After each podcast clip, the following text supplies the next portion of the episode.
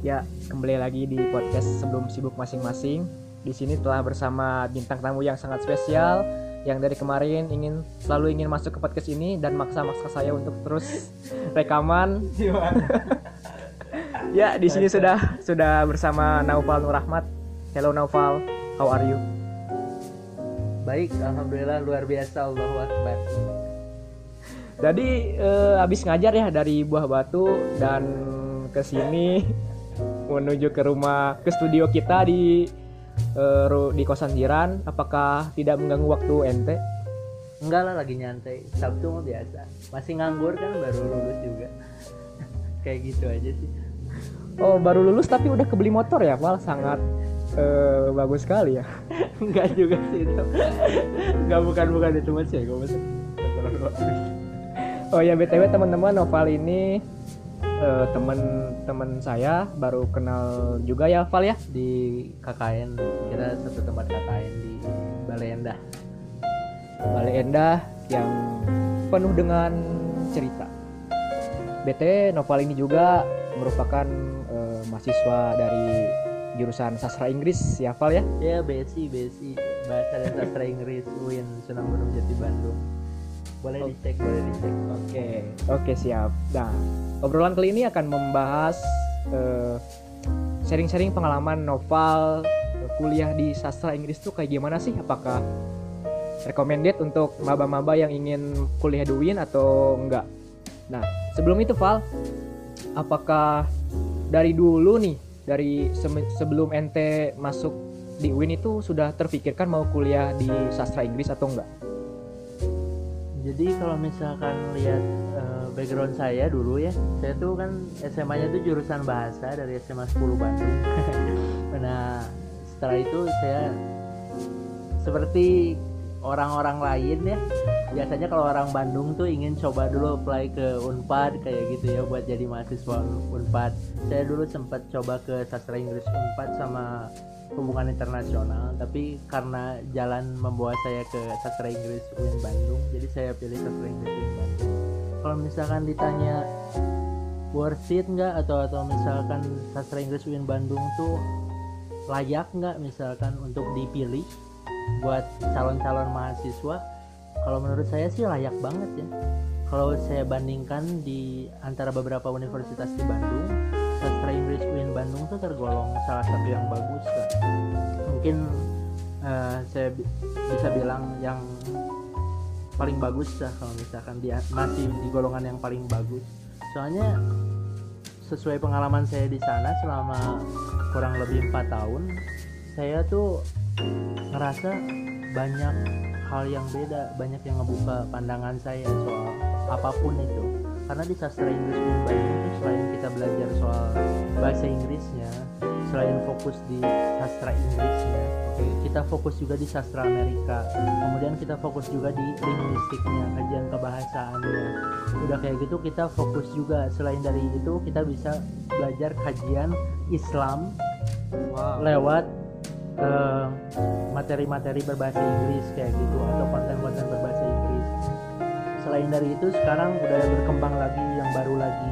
Selain mengajar eh, selain belajar novel atau belajar puisi kita juga belajar mengenai drama.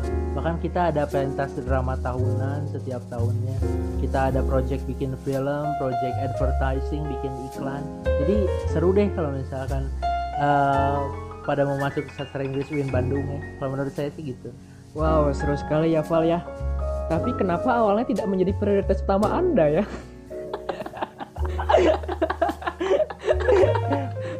Eh, sebetulnya sebetulnya gini ya.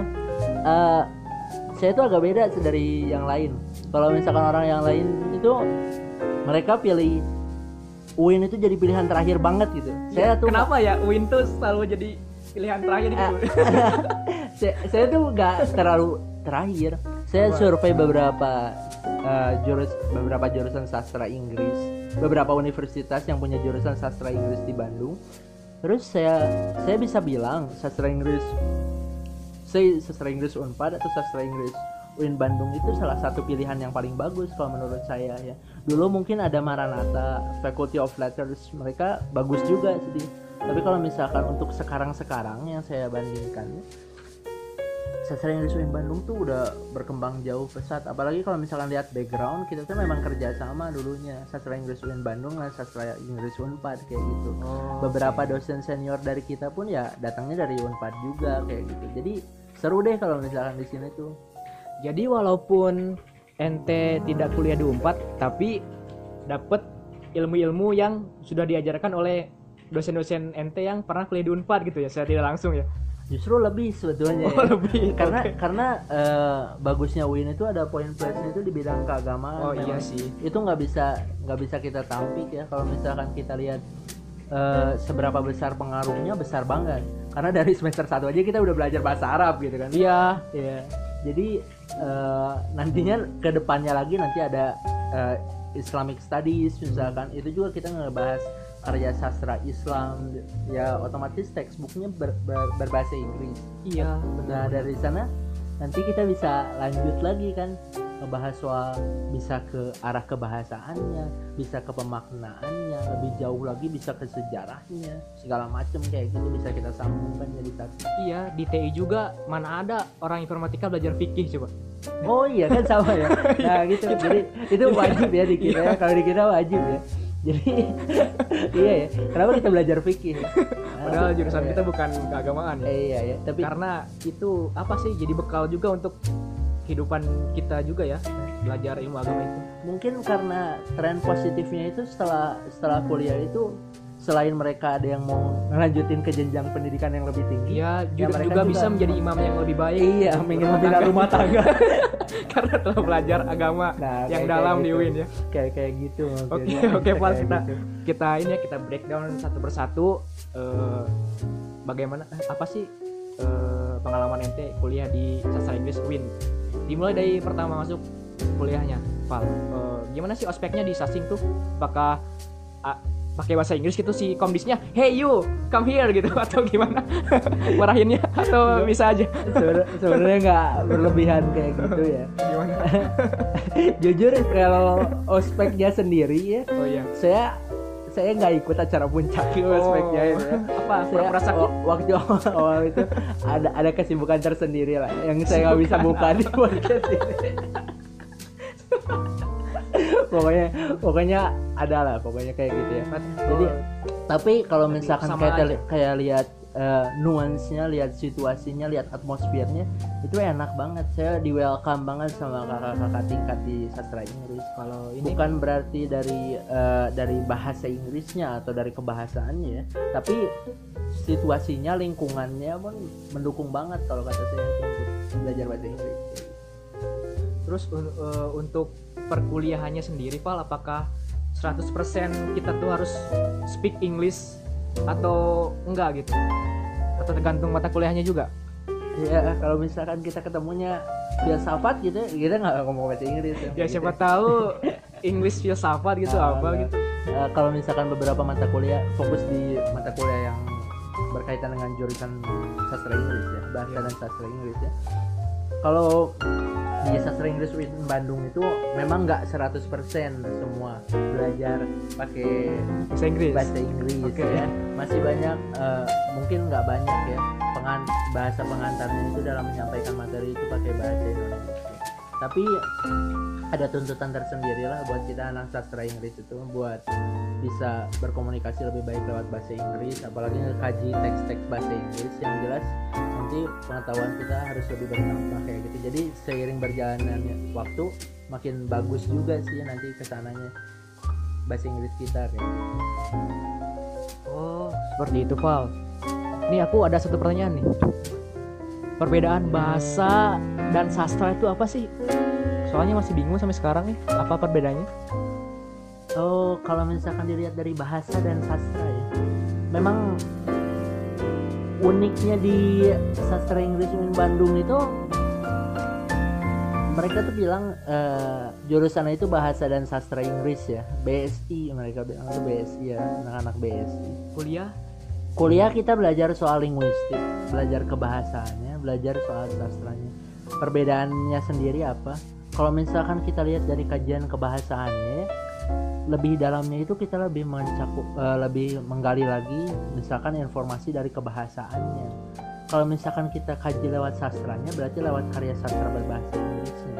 Kalau misalkan kita lihat perbedaan mencoloknya apa sih? Kalau misalkan kita kaji bahasa itu sebagai penutur sebagai sebagai eh, pengantar kayak gitu. Tapi kalau misalkan kita ngekajinya lebih jauh lagi misalkan lebih ke dalam historis lebih ke dalam misalkan kita mau bahas soal eh, hal-hal yang berkaitan dengan teori-teori sastranya nah itu lebih masuk ke sastra. Jadi beberapa kajian-kajian eh, di sastra Inggris dengan di kebahasaannya itu memang benar-benar beda jadi ada dua hal unik yang bertemu jadi satu kalau menurut saya itu Wih, Nah. ya, itu di, didapatin di kuliah di BSI di UIN. Iya, kita dapat semuanya itu dari semester-semester awal bahkan. Kalau misalkan dulu itu waktu angkatan saya namanya Introduction to Linguistics and Introduction to Literature. Nanti ada Survey of Early English Literature, Survey of Early American Literature, ada sur ada linguisticsnya kita belajar dari morphology, phonology, Wow. banyak nanti kita belajar banyak hal lah kayak gitu. Seru jadinya kalau misalkan di situ. Seru kalau ya dari awalnya interest gitu ya. ya kalau kalau kita pilih jurusannya berarti kita ada ketertarikan di sana kan Oh, emang ada yang emang asal pilih jurusannya, Val? mungkin ada kalau saya tanya beberapa teman saya mungkin ada ya yang eh, mereka itu masuk sastra Inggris karena oh bahasa Inggrisnya gitu. Padahal sebenarnya tuh kita nggak fokus di belajar buat misalkan conversationnya aja kita bukan belajar fokus di reading, writing, listening, speaking segala macam. Bukan. Kita itu sebenarnya tuh lebih bahas soal seberapa dalam misalkan sebuah karya itu. Seberapa besar pengaruhnya itu buat eh, beberapa negara misalkan. Seberapa besar pengaruhnya itu buat eh, kajian-kajian yang lain kayak kajian kedokteran misalkan atau sejarah atau segala macam hal sosial kayak gitu jadi lebih dalam lagi sebenarnya itu sastra Inggris itu kalau misalkan saya bisa bilang ya kita itu bisa ngebuka pintu-pintu mana pun kayak gitu. Hmm, beberapa mantap. beber- beberapa jurusan yang lain itu kita bisa buka lewat jurusan sastra Inggris gitu ya bahkan informatika sendiri gitu Mungkin informatika yang membuka jalan ke sastra Inggris kan? Oh bisa juga sih ya karena sekarang medianya kan bertambah gitu ya jadi kita juga sangat terbantu ya. Jadi makasih kita, saling informatika. saling terikat ya. iya jelas lah pasti lah kalau misalnya. Karena eh, tutorial-tutorial codingan juga banyaknya bahasa Inggris, Pak. ya kalau misalkan saya saya saya kan anaknya eh seneng nanya-nanya lah ya kadang-kadang katanya tuh beberapa jurusan misalkan di eh, sains dan teknologi di UIN Bandung mereka juga buat buat buku buat jurnalnya mereka itu pakai bahasa Inggris kan jurnal-jurnal penelitian segala macam buat mereka jalanin penelitian segala macam jadi terbantu Ya, jadi itu juga merupakan sumber rezeki Anda ya untuk mentranslate jurnal-jurnal itu mungkin. kita memang belajar soal translation atau misalkan interpreting segala macam ya bagus juga sih sebenarnya jadi jadi sangat membantu sekali jurusan yang lain itu ya oke ya kalau ada yang mau translate jurnal-jurnal luas ke, ke dalam bahasa Inggris bisa kontak Noval nanti saya kasih kontaknya di description box ya. Oke. Oh masih masih buka jasa itu nggak Val? Eh, nanti lah sekarang lagi break dulu lagi break dulu. iya lagi break dulu sekarang ya Oke, eh, back to the point. A- eh, apakah ente dari awalnya sudah mengetahui tentang bahasa dan sastra Inggris itu sedalam itu Pak sebelum masuk kuliah di UIN atau sesudah masuk baru tahu ap- bahasa dan sastra Inggris di UIN itu kayak gini gitu? sebetulnya tuh saya saya anaknya biasanya nyari-nyari dulu ya Oh iya. Nah, kalau misalkan mau masuk suatu hal itu saya biasanya cari-cari dulu. Waktu saya pilih jurusan sastra Inggris UIN Bandung pun saya saya udah ada bayangan ini jurusan bakal bagus gitu.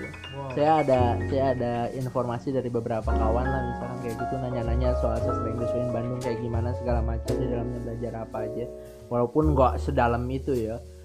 Saya banyak belajar di sini justru banyak banyak terbuka lagi wawasan saya di jurusan sastra Inggris UIN Bandung senang saya belajar di sini banyak banyak banyak yang saya bisa dapat dari sini kayak gitu.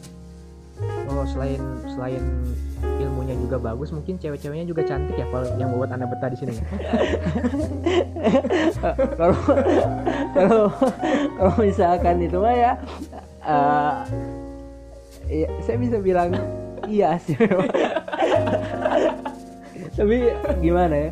Ya itu mah balik ke selera masing-masing aja. Pertanyaan apa ini? Oke tadi kan eh, Noval juga sudah mention ya bahwa di sastra Inggris UIN itu terbagi dari dua terbagi menjadi dua dua konsen ya concern ya. Lingku- linguistik sama sastra. sastra. Nah. Biasanya di semester 6 kalau nggak salah semester 6 itu. Tahun-tahun ketiga kuliah nanti kita dibagi antara ada yang memilih linguistik atau sastra. Nah itu eh, lebih ke apa sih kalau ling- linguistik eh, ngapain? Kalau sastra ngapain sih? Eh, concernnya gitu gimana? kalau misalkan kalau misalkan pembagian linguistik sama sastra itu tergantung minat ya. Nggak ada paksaan tersendiri dari dosen atau dari siapa pun ya. Karena kita udah dikenalin dari awal dari semester semester dari semester semester awal soal kajiannya. Jadi kita bisa nentuin sendiri. Kalau misalkan kalau misalkan anda misalkan kamu lebih tertarik soal kaji ah kebahasaannya. Aku suka dengerin musik misalkan. Aku udah suka baca liriknya. Kemudian aku ingin tahu misalkan sedalam apa sih liriknya pemaknaannya tuh ke siapa arahnya ke siapa misalkan. Itu nunjukin apa sih? Tujuannya buat ke mana sih? Nah itu bisa kita kaji sama kajian linguistik fungsinya apa segala macam. Tapi kalau misalkan kita misalkan lebih dalamnya lagi kita ingin jauh ngebahas soal misalkan apa lagu ini tuh berkaitan sama sesuatu kejadian di masa lalu ya? Ah, atau lagu ini tuh berkaitan sama peristiwa sejarah apa ya? Atau lagu ini tuh misalkan punya dampak apa ya untuk satu satu satu negara misalkan kayak gitu? Contohnya misalkan Michael Jackson dengan Heal the World Heal the World Oh, iya. misalkan kayak gitu. Kan itu ada dampak tersendiri bagi ras-ras tertentu ya. Jadi kalau menurut saya pribadi kajian linguistik dan kajian sastra itu sama pentingnya. Balik lagi ke kitanya kita paling bagus tuh kita milih eh, jalur-jalur yang kita suka apa-apa yang kita mau. Kalau misalkan kita ingin nentuin fokus itu nentuin concern kita itu di mana kalau jawaban saya pribadi itu ikutin aja. Kata hati. kata hati kamu mau ke mana. Setiap tutur kata hati kecil kamu itu nanti bakal ngejawab oh kamu itu nyamannya di sini. Jadi nggak ada kalau misalkan nanti lebihnya ada bahasan soal aduh aku sayangnya masuk linguistik aduh aku sayangnya masuk sastra. Tuh, aduh aku sayangnya masuk bahasa Inggris. Nggak juga kalau menurut saya. Soalnya eh, pada saat kita jalanin apa yang kita suka nanti kita itu tahu misalkan oh ada sesuatu yang perlu diperjuangkan nah dari situ dalam sekali ya. Nah dari dari situ itu setelah setelah kita senang dengan sesuatu, pastinya itu kan kita ada motivasi buat lebih kan. Nah jadi kalau menurut saya jadi lebih gampang kayak gitu, apalagi buat lulus ya kayak gitu sih. Jadi eh, pilih yang menurut kita nyaman gitu dari kedua concern itu, bukan gitu bang? Ya kalau menurut saya sih kayak gitu ya. Kalian itu kalau misalkan mau milih sastra kah atau linguistik kah atau jurusan atau apa pun dalam hidup kalau misalkan ya saya, saya rasa cari yang paling bikin kamu nyaman. Cari yang paling bikin kamu eh, paham kayak gitu ngerti sama ingin kamu kejar terus kayaknya jadi soalnya kalau misalkan nanti dari situ kita bisa jalanin terus ada hambatan nanti di depan kita tetap enjoy aja Karena ngejalanin karena kayak sudah gitu. nyaman kan? karena udah nyaman karena udah suka kayak gitu aja ya itulah semuanya harus nyaman dan suka ya. nah gitu Terus kan Val dua concern itu tuh menentukan tugas akhir kalian kan di sasing jelas jelas And kalau ente tuh ngambil yang mana? enggak eh, sebenarnya se- se- Kenapa tertawa? bi- bingung ya kalau misalkan dibilang itu ya. Jadi kita itu beda beda beda beda zaman nih, beda kurikulum kita beda kurikulum ya. jadi Kurikulum apa nih? Angkatan berapa? 2015 saya masuk ke sasing angkatan 2015 Hah? pada saat zaman saya itu walaupun kita misalkan anak sastra atau walaupun kita anak linguistik tugas akhir kita itu nggak harus selalu selaras sama itu. Oh, kadang bisa bisa kita ambil fokusnya itu kita di linguistik aja katanya. Tapi kaji, nanti skripsinya itu sastra boleh Oh, gitu. kayak gitu.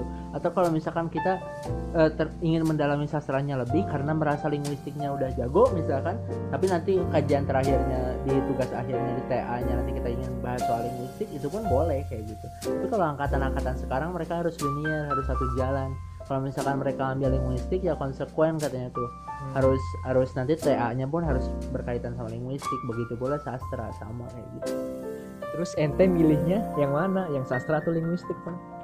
kebetulan saya pilih sastra Kenapa? Kenapa sastra? Eh, Karena ente suka senja dan kopi. kalau kalau kalau ditanya, kalau ditanya saya bukan saya bukan anak senja atau anak kopi ya saya saya saya, saya suka sop, kopi itu sebelum sebelum orang-orang pada suka kopi kali ya kayak gitu ya kopinya juga kopi tubruk jadi Jadi kenapa? jadi bukan bukan itu ya bukan Karena itu. nyaman tadi ya atau gimana? karena eh, banyak sih faktornya karena saya dulu kan belajar soal novel belajar soal non fiction jadi saya lebih nyaman di situ dan lebih suka ke situ ke arah situ. Walaupun kajian terakhir saya bahasnya soal film, Film, ya. iya jadi agak beda sedikit ya nggak Ya, apa-apa sih Karena novel ini juga pernah nyuruh saya downloadin film gitu. Gak tau. Oh, oh buat TA kayak baru tahu saya. ya, ya makasih ya oh, ya karena terkenal juga sih wifi-nya bagus banget gitu dari kamu Iya saintek. Saintek ya oke boleh saya saya ada kebetulan ada brand humaniora Oke, kalau boleh tahu Val, eh, TA kamu tentang apa nih? Eh, saya ngebahas soal ironi dalam film jadi ngebahas soal ta- ta- bagaimana teknik sinematografi dalam film menghasilkan ironi menghasilkan pemaknaan yang bertolak belakang satu sama lain tapi punya makna-makna tersendiri kayak gitu Eh, film apa? Baku Piko. enggak bukan film eh, apa buku Nobiko saya nggak ngerti ya. film apa? saya kaji ini Batman The Dark Knight 2008 yang ada Heath Ledger Emang ironi apa yang terdapat dalam film Batman ini, Val? lebih jauhnya baca aja skripsi saya ya tapi Sekilas aja sekilas. Kalau sekilas kalau sekilas sih eh, kan eh, kayak yang kalian udah tahu ada karakter Joker yang sangat kuat dengan hero Batman di sana kan. Oke. ya kan nggak kalau misalkan pada umumnya gitu hero itu pahlawan itu ya selalu superior. Tapi kadang-kadang ya karena tekanan yang berlebih misalkan atau tekanan yang kuat dari lawannya nanti eh, psikologisnya bisa kena misalkan ya atau apa pun itu segala macam nanti si pahlawan itu kadang jadi inferior bisa berubah posisi si pahlawan itu dalam situasi-situasi tertentu. Nah, saya lebih bahas ke sananya kayak gitu lewat lewat scene, lewat adegan-adegan skripnya juga. Kenapa ente milih film ini, Val? Bukan film yang lain gitu? Ad- apakah eh, filmnya pernah ente tonton dan membekas gitu scene-scene-nya di pikiran ente atau gimana?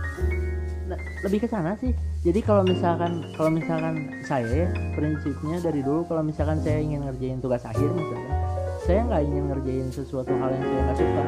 Saya selalu ngerjain hal yang paling dekat aja sama saya. Kalau misalkan masih bisa diperjuangkan ya udah jalanin aja gitu kayak gitu aja. Karena saya suka jadi lebih enak ngejalaninnya kayak gitu aja sih. Paling dekat dengan diri anda berarti anda ini Batman atau Joker? itu mah bisa dinilai sendiri ya sama orang-orang di lingkungan saya bebas itu gimana yang mau Oke. Berarti ini eh kalau ininya Val kalau sidangnya itu beneran full English gitu. Kalau sidangnya sastra Inggris wajib wajib pakai bahasa Inggris. Beberapa kali sidang dari sidang proposal segala macam itu pakai bahasa Inggris. Itu sih umumnya kayak gitu. Terus itu kalau yang ada latihan dulu nggak kalau ente kalau atau ente udah biasa gitu sehari-hari di rumah pakai bahasa Inggris, "Mom, I want to eat" gitu atau gimana? Apakah ada latihannya? Oh pasti pasti ada latihan lah persiapan segala macam buat waktu yang lama ya sama sih itu kayaknya di setiap jurusan pun kayak gitu ya kalau nggak ada insidan kayak gitu. Nggak ada yang aneh-aneh kayak tadi ya. Terus kalau untuk eh skripsinya sendiri itu diketiknya full Inggris atau bilingual sama bahasa Indonesia juga? kalau di jurusan saya lihat di beberapa kampus di Bandung ya ada yang mereka itu yang bisa milih pakai bahasa Indonesia atau pakai bahasa Inggris kalau di sastra Inggris tuh kita ngetiknya full bahasa Inggris full bahasa Inggris kecuali abstrak ada dua versi ada Inggris ada Indonesia kayak gitu sih Oke Val, Eh, apa sih kendalanya ketika ente biasa nih presentasi di depan menggunakan bahasa Indonesia sama bahasa Inggris gitu? Apakah ada perbedaan dan kendalanya apa sih? ya kalau perbedaan ada ya Dari bahasa. dari bahasa ya. dari bahasa Hmm. Dari bahasa perbedaan ada kadang kita lebih canggung karena itu kan bukan bahasa ibu kita misalkan ya. It's not my mother tongue misalnya. Tapi kalau misalkan lihat lebih jauh lagi saya tuh ngerasanya tuh lebih seneng aja kalau pakai bahasa Inggris kayak Kenapa? gitu. Karena ada karena uh, ngerasa lebih aja kayak gitu ya. Nggak tahu kenapa ya itu bawaan diri mungkin ya. Orang-orang tiap beda-beda ya. Tapi kalau misalkan ada presentasi pakai bahasa Inggris itu kayak ada credit point lebih gitu aja buat diri saya sendiri gitu ada tantangan yang lebih aja gitu buat saya kayak gitu aja sih nggak tahu ya kalau yang lain Berarti ini ya bahasa Inggris itu menambah apa ya? Menambah performa kita, menambah eh, kredit untuk diri kita sendiri juga ya. Jadi eh, penting juga ya belajar bahasa Inggris zaman sekarang, Pak. kalau menurut saya sih penting ya bukan cuma bahasa Inggris aja banyak bahasa bahasa lain juga bahasa Spanyol bahasa Mandarin bahasa Prancis apalagi ya. Banyak jadi kalau misalkan kalau misalkan sekarang ya jurusan apa pun kalau misalkan saya rasa wajib sih kalau misalkan bahasa Inggris ya buat pengantar kayak gitu ya seenggaknya kayak gitu. Walaupun nggak mengkaji lebih dalam misalkan soal terkait karya sastranya mereka sekedarnya tahu misalkan bahwa komunikasi paling penting itu misalkan yang sampai kayak gitu. Jadi komunikasi paling penting itu yang dua pihaknya itu saling ngerti. Dan itu lewat bahasa datangnya itu. Makanya bahasa itu jadi salah satu hal yang penting lah buat saling memahami kayak gitu. Tapi Pak, kalau di kita tuh gimana ya kalau belajar bahasa Inggris tuh kenapa sih kok suka dibilang sok sok Inggris gitu? Ada ada masalah apa dengan kita gitu generasi sekarang? Eh, mungkin sama sih ya dari dari dulu juga dari zaman nenek moyang juga kayak Iya. gitu sih ya padahal kalau misalkan kita lihat ya beberapa beberapa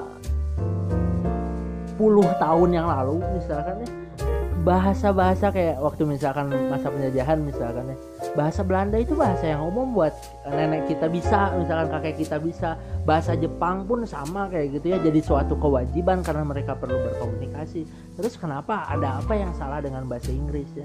Yang saya lihat tuh kalau misalkan kalau misalkan lebih kita jauh bahas pakai bahasa Inggris kita tuh takut kehilangan identitas diri sendiri diri kita sendiri. Padahal sih enggak. belum tentu ya. belum tentu juga. Itu balik lagi ke orangnya itu bahasan soal moralitas lebih jauh lagi.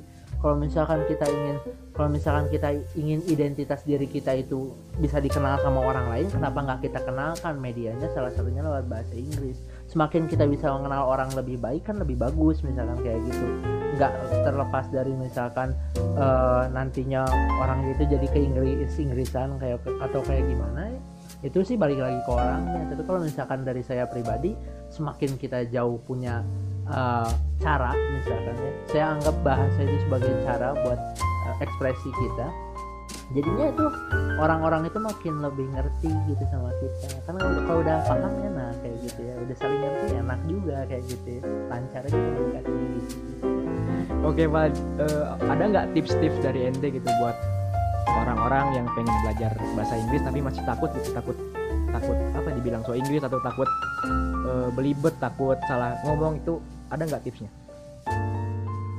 kalau saya pribadi ya eh eh, saya memang suka baca Inggris untuk waktu yang lama tapi kalau misalkan ditanyain tips ya eh mungkin belajar bahasa Inggris yang paling bagus itu lewat hal-hal yang kita suka juga.